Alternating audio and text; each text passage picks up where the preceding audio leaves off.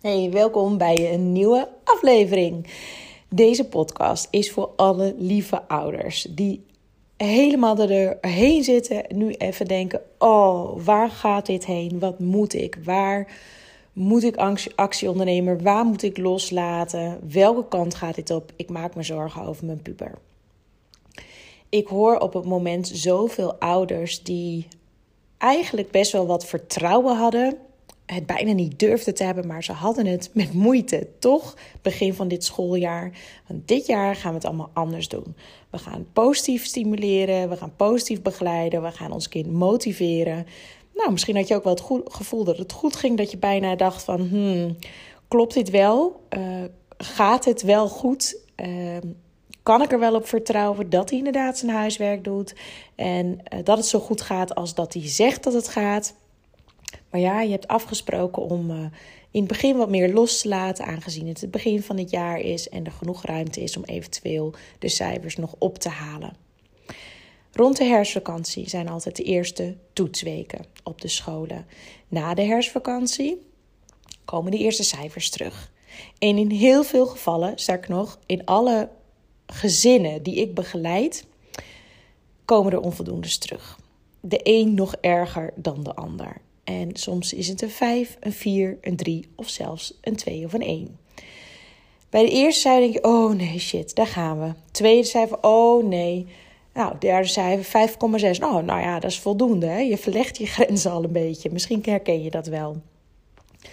Maar je baalt. Je kan jezelf voor je kop slaan. Hoe kon je nou denken dat je puber goed bezig was? Hoe heb je nou los kunnen laten? Hoe heb je heel even dat vertrouwen kunnen voelen?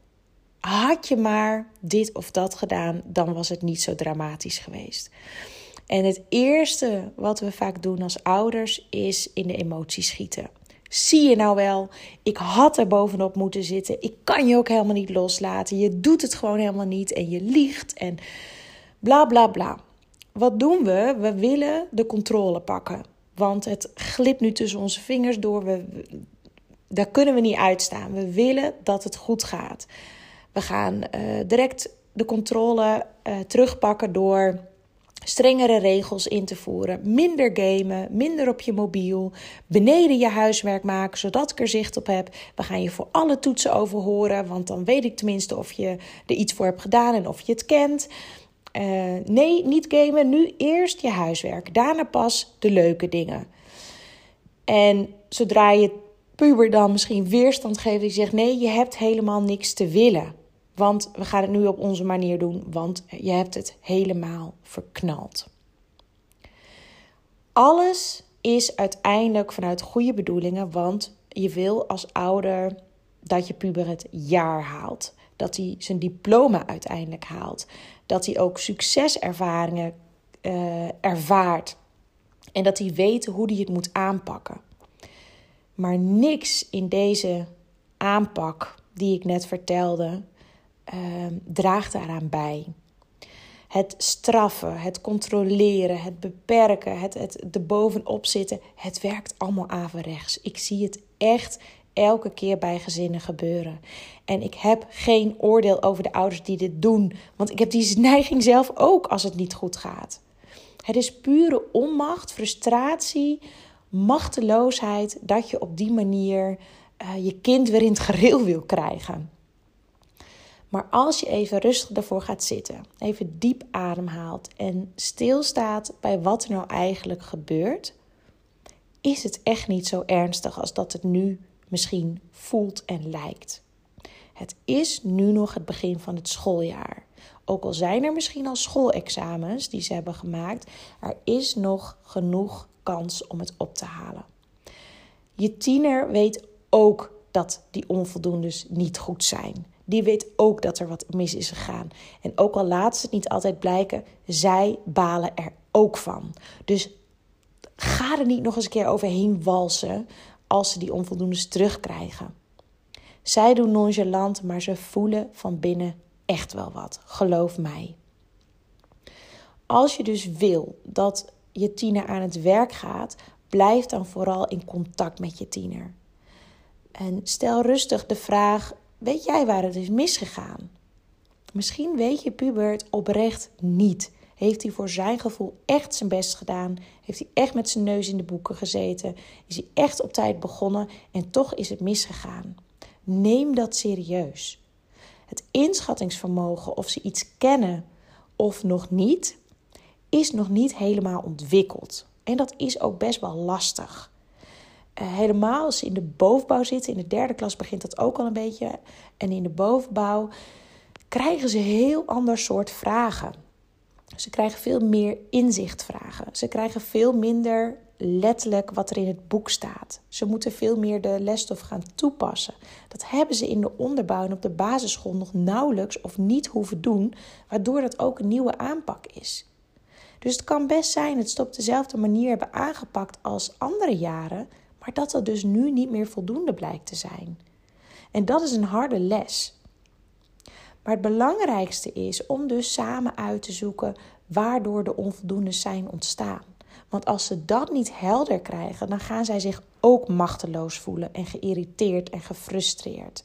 En als dat gebeurt, dan gaat de motivatieproblematiek heel hard. Want dan laten ze alles los. Als je namelijk niet weet wat je fout hebt gedaan of wat je anders kan doen, dan word je lam geslagen en doe je maar niks meer. Want of je nou wel wat doet of niet, het wordt toch een onvoldoende. Dus wil je alles eruit halen wat erin zit, wees dan die liefdevolle ouder die je ook diep van binnen heel graag wil zijn en bent. Parkeer je emoties en kom weer even terug naar datgene wat jij je puber gunt. Wat vind jij het allerbelangrijkste in het leven? Wat wil je je puber meegeven? Hoe wil je dat hij straks, als hij 25 is, terugkijkt op deze periode van zijn leven?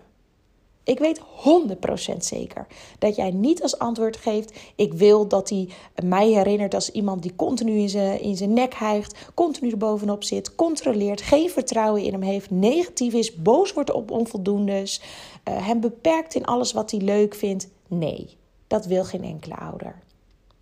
Je gunt je kind zelfvertrouwen, zelfstandigheid, dat hij verstandige keuzes leert maken uh, eigen verantwoordelijkheid leert pakken en voelen. Um, sociale contacten.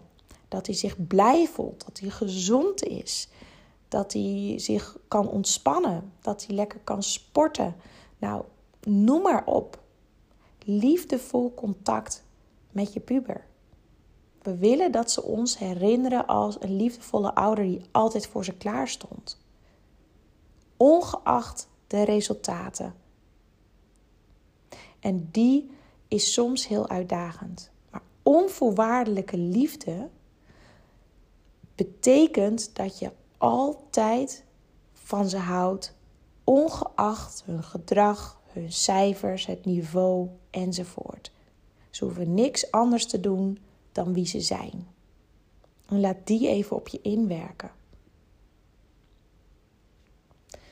Iemand komt makkelijker in beweging namelijk als ze weten dat ze niet veroordeeld worden, beoordeeld, ehm, afgewezen, gekwetst.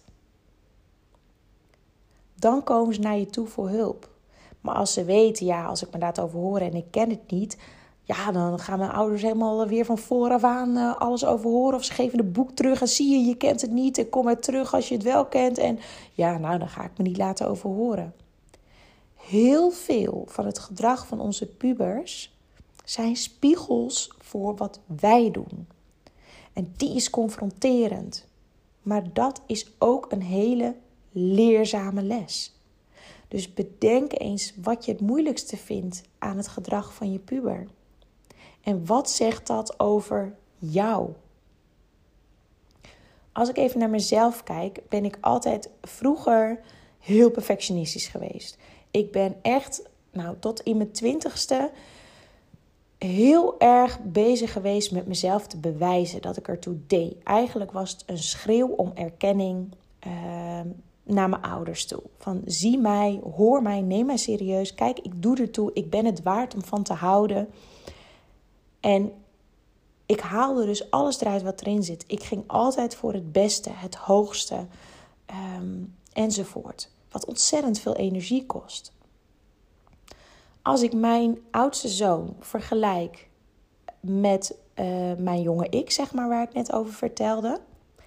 Ja, daar kan ik echt denken van wow, hij, hij, hij bakt er helemaal niks van. Hij doet helemaal niks. Hij geeft er niet om. En hij is tevreden met een zesje. Wat is dat nou? Maar dat zegt iets over mij.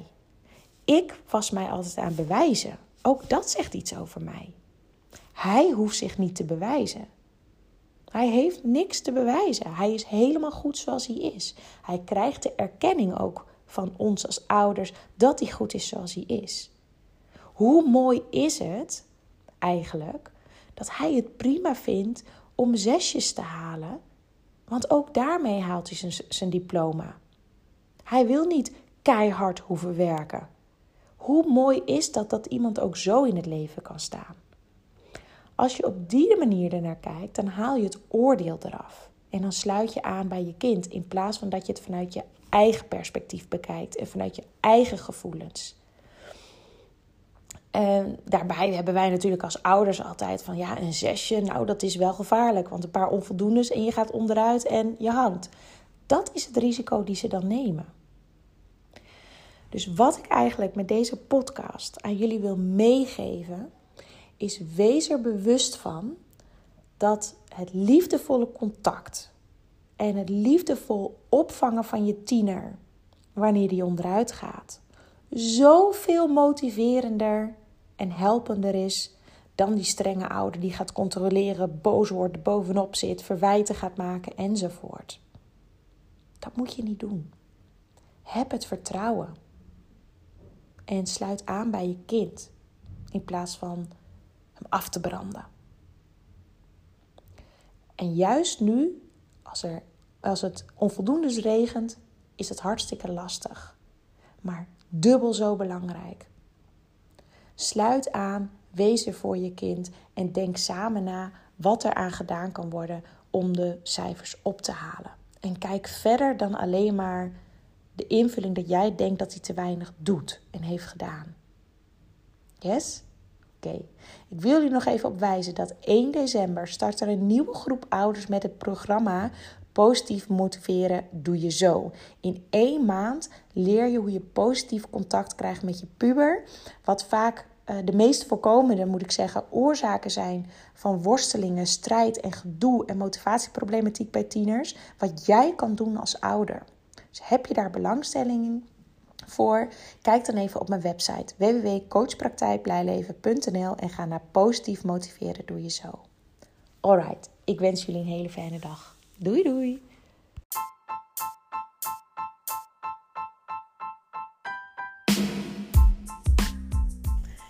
Dit was weer de aflevering van deze podcast. Ik hoop dat je het leuk hebt gevonden, dat je er veel informatie, tips en inspiratie uit hebt kunnen halen. Ik ben ontzettend benieuwd wat jij van deze podcast vond en wat je eruit hebt gehaald. Want ik neem ze op, maar ik wil heel graag weten hoe het is voor jou als luisteraar om dit allemaal te horen. Wil je mij dat laten weten via een persoonlijk berichtje? Dan vind ik dat hartstikke leuk. Wil je andere ouders motiveren, stimuleren? En inspireren met deze podcast, deel het dan op social media. En wil je mij contacten? Dat kan via www.coachpraktijkblijleven.nl. En wie weet spreken we elkaar snel. Fijne dag!